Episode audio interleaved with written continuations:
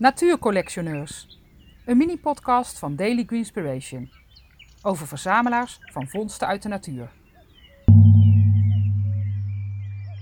Voor deze podcast ga ik kijken bij mensen die allerlei dingen verzamelen en bewaren uit de natuur of uit hun tuin.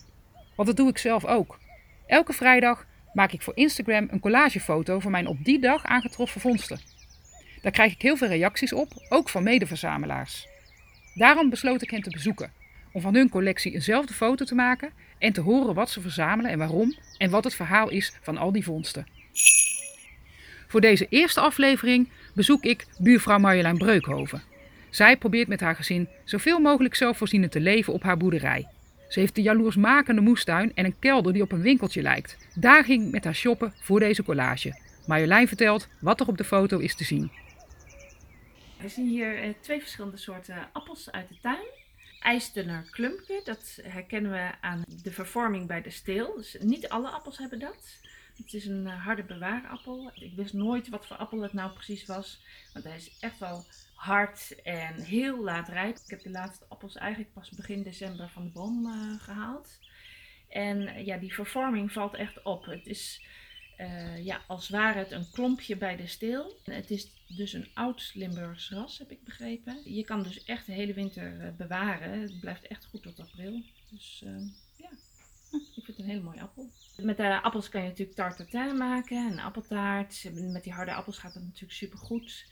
We hebben nog een andere appelsoort, dat is Cox Orange. En dat is een uh, handappel en ik probeer er een aantal te bewaren, zodat we nog wat zoete appeltjes hebben.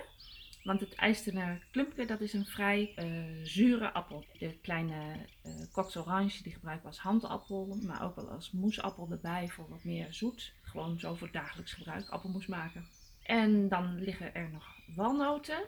Het zijn vrij kleine walnoten ook. We doen altijd heel veel moeite om walnoten te bewaren. Als de kraaien er niet mee vandoor vliegen, want die, die lusten ze ook.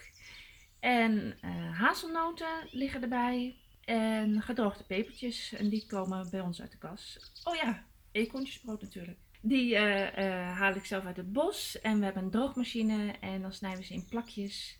En drogen we het. En dan kan je het eigenlijk het hele jaar rond gebruiken. In soep, in saus, bij stoofpotten. Terrenijs ligt er ook bij. Komt natuurlijk niet uit de tuin.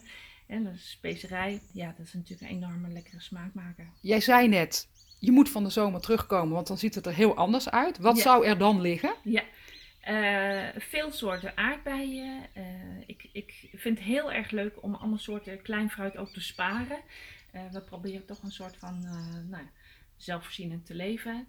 En ja, dat fruit is prachtig om te zien. We hebben zwarte bessen, blauwe bessen, bosbessen ook wel, rode bessen, witte bessen, pink champagnebessen. Ja, noem het maar op. Kruisbessen, groene en rode. En ja, daar, daar kan je ook prachtige foto's mee maken. Het is zulk mooi fruit. En aardbeien zijn natuurlijk niet alleen maar rood, maar ook wit of paarsrood. Ja, prachtig.